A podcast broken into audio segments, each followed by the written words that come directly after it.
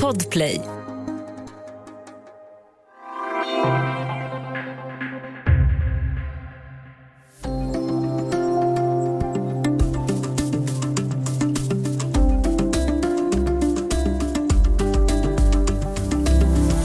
Det är hundra år sedan Sverige avskaffade dödsstraffet. Men i USA, där dödas människor fortfarande och då och då lyfts frågan även i Sverige. Borde vi införa dödsstraffet igen? Fast att döda människor, det är inte fullt så enkelt som det kan verka. Välkommen till Studio DN. Jag heter Augustin Erba.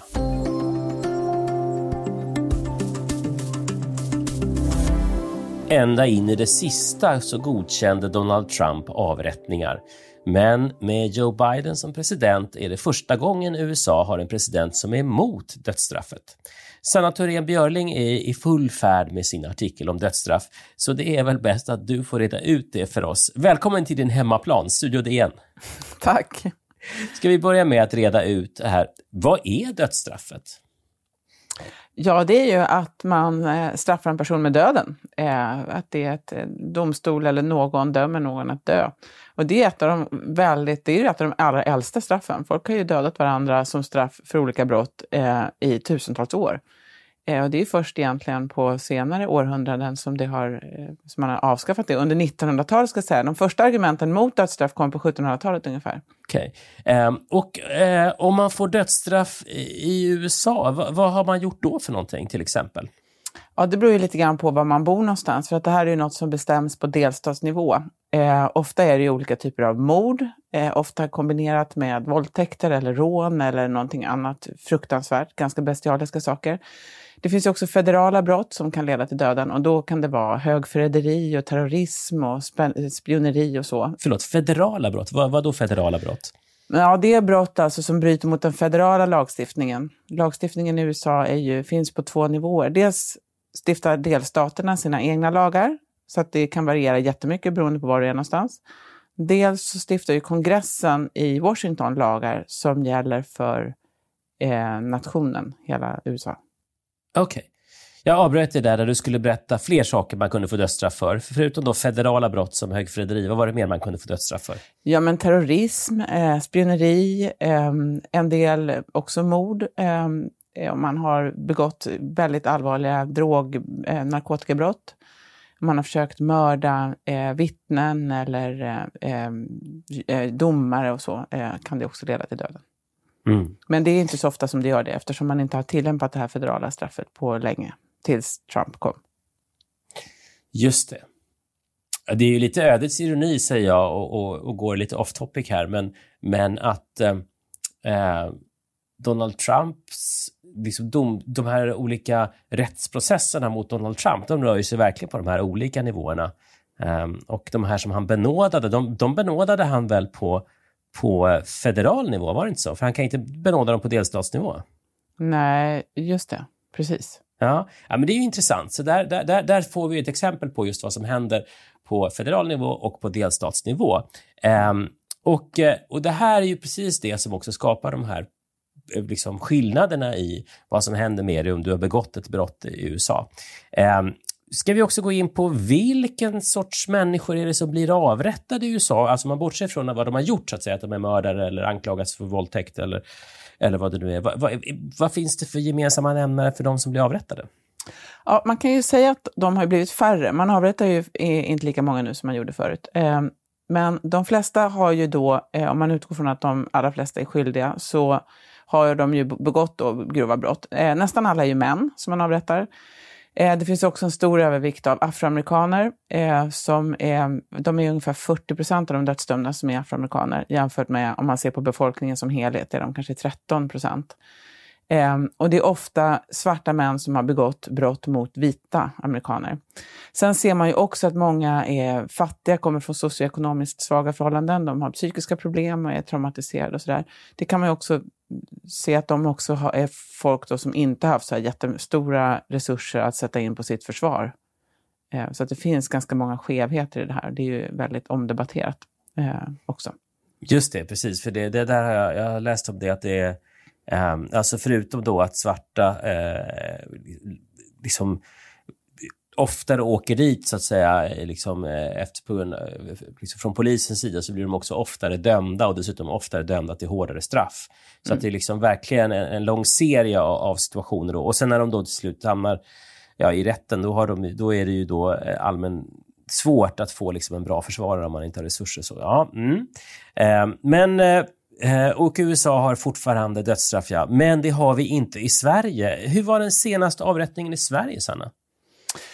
Ja, alltså USA eh, märker ju ut sig där genom att vara den enda liksom, demokratin egentligen som eh, i västvärlden som har dödsstraff. Det finns ju några andra eh, demokratier, men det är ju Indien och Japan och så. Annars så har ju nästan alla avskaffat dödsstraffet. I Sverige så avskaffade vi, som du var inne på inledningsvis, det är hundra år sedan i juni som det blev olagligt att avrätta någon i Sverige. Den sista avrättningen i Sverige, eh, den genomfördes i november 20, 1910. Och det var inne på fängelsegården på Långholmen i Stockholm.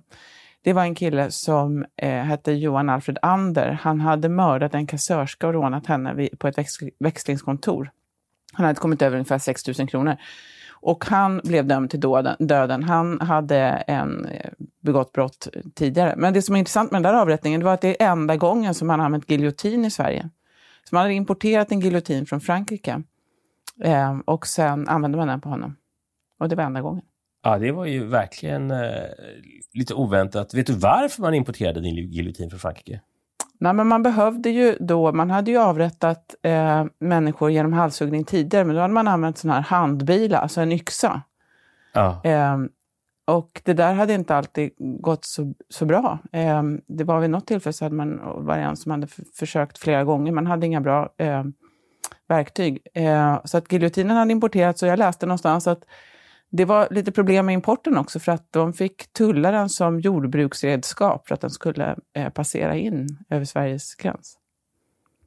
Någon gång kommer någon att vinna Trivial Pursuit på, på, de, på den kunskapen. Eh, men vi återvänder till allvaret här, för att det finns ju naturligtvis ett otal problem med dödsstraffet. Um, och då ska vi snart gå in på. Um, både, både moraliska förstås och etiska, men också, också rent uh, tekniska problem. Men låt oss istället börja med här, vilka metoder som finns för att döda människor. Nu var vi ju precis inne på den svenska giljotinen, uh, men hur avrättas människor i USA? Nästan alltid så är det med en sån här dödlig injektion. Uh, eh, alltså att man får Oftast är det en, en slags cocktail av tre olika substanser som man sprutar in i folk. Eh, det är det absolut vanligaste. Man, gör, man använder också elektriska stolen. Eh, det har gjorts bland annat i Tennessee eh, nyligen. Eh, och det finns också arkebusering, alltså att man skjuter folk. Eh, gas är tillåtet i flera delstater. Och det där är ju lite intressant, vi återkommer väl till det, men mm. Mm. Eh, det är en del metoder som har börjat återanvändas, men det absolut vanligaste är, är sprutor, alltså injektioner. Giftinjektion. Ja. Um, Okej, okay. uh, och ett av de liksom, största problemen med, med det här dödsstraffet då, i USA då, har ju visat sig att, uh, det har visat sig att en del av dem som har avrättats senare visar sig vara oskyldiga. Um, vid vilka tillfällen har det visat sig att folk som avrättats ja, inte har begått det där brottet som de avrättades för? Ja, det är en del då som har avrättats, men också folk som sitter och väntar på avrättning där man har upptäckt att de faktiskt är oskyldiga. Eh, I slutet av 80-talet så började man ju bli bra på det här med DNA-teknik och 1989 så mm, var det första gången en person friades, som var dömd till döden med hjälp av DNA-bevisning. Men det där är lite intressant tycker jag, därför att DNA det finns ju framför allt eh, i mord eller i brott som har Lång preskriptionstid eh, behöver man och så behöver man ha då någonting med DNA. Och det är ofta våldtäkter som är, och med, där det är mord också. Eh, enbart en våldtäkt har ju en kortare preskriptionstid. Men allt det här att man börjat titta på DNA, det väckte ju också tankar om att, jaha, vänta här nu, om det är så här många som är oskyldiga med DNA, då kanske det finns mycket annat också som inte har gått rätt till. Och det har lett till att man har fått med ökade resurser till att granska eh, utredningar som man har misstanke eh, liksom att man tror att det, de är taffligt utförda. Eh, och det har ju gjort att man har hittat ganska många som är oskyldiga för att det har varit dåligt skött helt enkelt. Ofta är det slarv eller att man har haft en dålig försvarare. Eh, och då är det nu 185, tror jag, eh, dödsdömda som har visat sig oskyldiga. Men de flesta av dem är inte med hjälp av DNA, faktiskt, som man kunde tro, utan mm, av andra skäl. Men det är mm. rätt så intressant. Och det finns, mörkertalet där är ju troligen eh, ganska stort. Mm. Efter pausen ska vi prata mer om dödsstraffet och varför människor som fått dödsstraff och fått det genomfört ändå inte har dött när de har avrättats.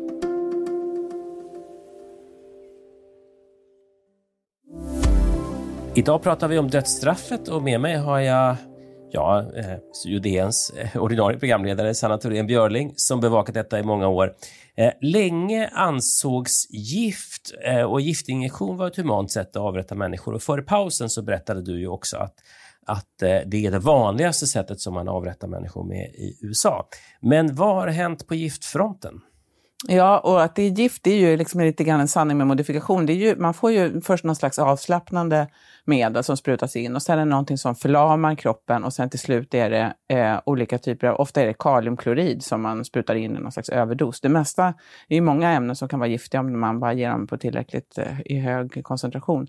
Men det som har hänt där med eh, de här sakerna är att läkemedelsbolagen har fått ökade eh, de har ju, det är ju inte tillåtet att sälja för läkemedelsbolag. De, de säljer ju inte, de vill inte sälja det till, till uh, stater som använder det för att ha ihjäl folk. Uh, och Europa, europeiska läkemedelsbolag får inte det.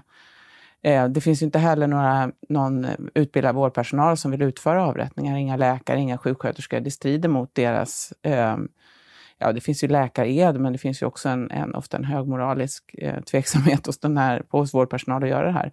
Det har lett till att man eh, har misslyckats med de här avrättningarna. Dels har det lett till en brist på preparat. Det, de, man får köpa det ofta från mindre nogräknade liksom apotek eller läkemedelsbolag som är, är, säljer svart. Men det har också lett till att flera avrättningar har gått åt pipan. Man har försökt eh, att avrätta folk som inte har dött och det har blivit utdraget och det har blivit helt uppenbart eh, smärtsamt för de som har legat på den här britsen. Och det då i sin tur har lett till att delstaterna, flera delstater har blivit nervösa och börjat återinföra en del andra metoder då, som elektriska stolen eller arkebusering. Men vad då när man man, man ger dem det här lugnande, med, lugnande med läkemedlet och sen så, så eh, det här eh, som stelnar till dem och sen så kommer giftet. Men, men vadå, hur, vad händer när det då inte funkar? Ja, ibland har det, har det tagit lång tid och man har sett att de, det, man kan ju rycka till och man kan, det kan komma så här vit, Eh, vitt skum man kan få liksom som fradga och frossa och, och det, det, har ju visat sig då att de här personerna inte har dött. Man tar ju också hjärtljud och så, så man ser, märker om någon har dött eller inte. Eh, ibland så har eh, det har hänt att, att personerna har mumlat saker och sagt, kunnat säga saker innan de har tappat medvetandet. Och de har pratat om att det känns som att jag brinner upp. Det är en väldigt brinnande känsla. Man har också sett att eh, i obduktioner så har man gjort obduktioner på ungefär 200 avrättade och där kan man se att i över 80 procent av de fallen så har man sett att de har fått lungödem, alltså vätska i lungorna. Och det sker inte om personen, det sker ju inte på en död person utan den, man får bara lungödem om man lever och det är ju också väldigt smärtsamt. Däremot så har de ju ofta i det här läget varit helt förlamade så att det är väldigt svårt att se på en människa om de lider eller inte. Och det är också en av dem, ett skäl som gör att många tycker att det här är väldigt problematiskt. För att det kan ju hända att någon ligger där och är helt, helt förlamad och inte kan uttrycka sig, men att det är fruktansvärt. Men, eh, om man har då den här gift, eh, giftverksamheten och sen så är det någon som inte dör. Eh, men vad, vad, gör det? Vad gör delstaten då? Eh, det är ett fruktansvärt lidande här ehm, och, och, och, och själva eh, avrättningen har ju då misslyckats. Vad, vad, händer, vad händer i det skedet? Ja, det har varit en del sådana fall faktiskt för några år sedan där, man, där de som är med där är inte är vårdutbildade, där de har en människa då som de känner så här, men nu måste vi kanske avbryta det här för det går inte. Vad ska man då göra? Ska man börja med hjärt och lungmetoden? För att rädda en person som man just skulle ha ihjäl. Det, det är ju helt bisarrt. Um, och eh, det har ju lett till att många delstater har, en del har ju tagit paus i avrättningarna, andra har då återinfört andra medel och då får ju den som är dödsdömd ofta välja. På en del ställen är det så att det finns en, om giftinjektioner inte är tillgängliga, då går man vidare till nästa metod. På många ställen är det, eller många, på de ställen där det här finns, så får den eh, som ska avrättas själv välja. Och då finns det flera som har valt, alltså till exempel elektriska stolen, framför eh, dödlig injektion. Och det är bara det säger någonting om vad man tror eh, att man eh, ska vara med om. Mm. Men det är ju förstås, eh, det är många som tror att de, det, det, här bidrar till att eh, allmänheten är mer och mer skeptisk till dödsstraff överhuvudtaget. Det, eh, för att det blir så det här med dödlig injektion, det, var, det är också ett ganska märkligt sätt att försöka få någonting att verka kliniskt, nästan som, ett, nästan som, en, nästan som att gå till, en, ja, till ett sjukhus. Eh, men i själva verket så handlar det ju om att faktiskt döda en människa. Och även mm. de som är emot dödsstraff finns ju de som tycker att ja, men det kanske är bättre att, eh, att skjuta folk. Det går ju fort och man vet, det är många, finns ju ganska många som är bra på att skjuta i USA. Eh, så det, det, kanske är ännu bättre om man nu... Dessutom så eh, visar man ju verkligen att det är våld det handlar om. Mm.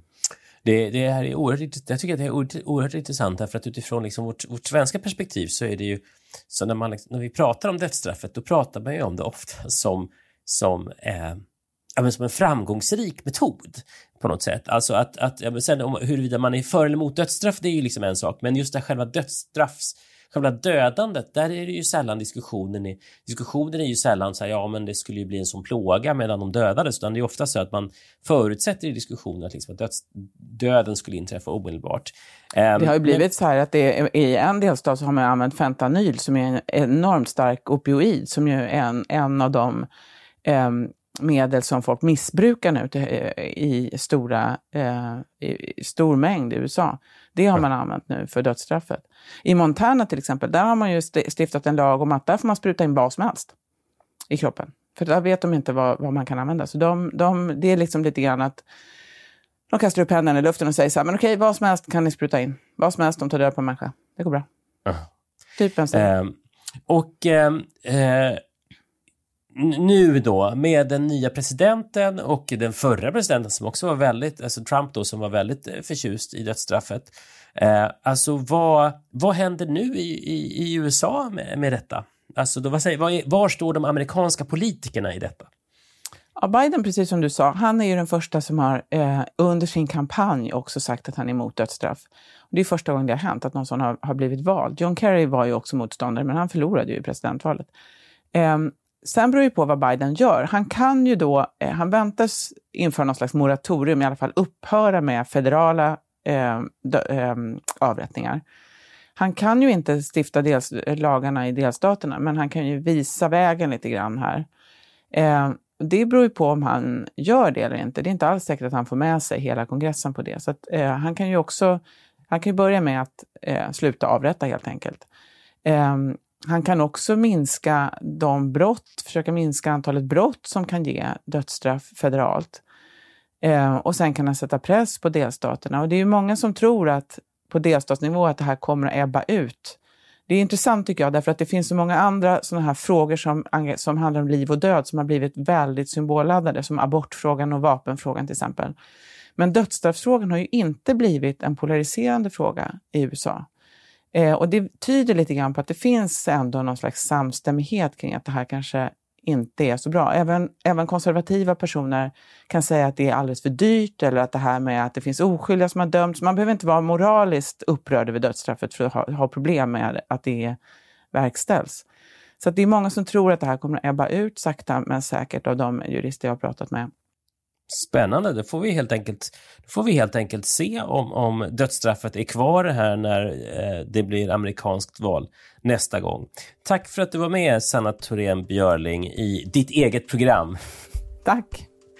Eh, Studio DN görs för Podplay. Producent eh, är Sabina Marmulaka, ljudtekniker Patrik Miesenberger, teknik Oliver Bergman, Bauer Media, exekutiv producent och idag också programledare är jag och jag heter Augustin Erba. Vi hörs imorgon.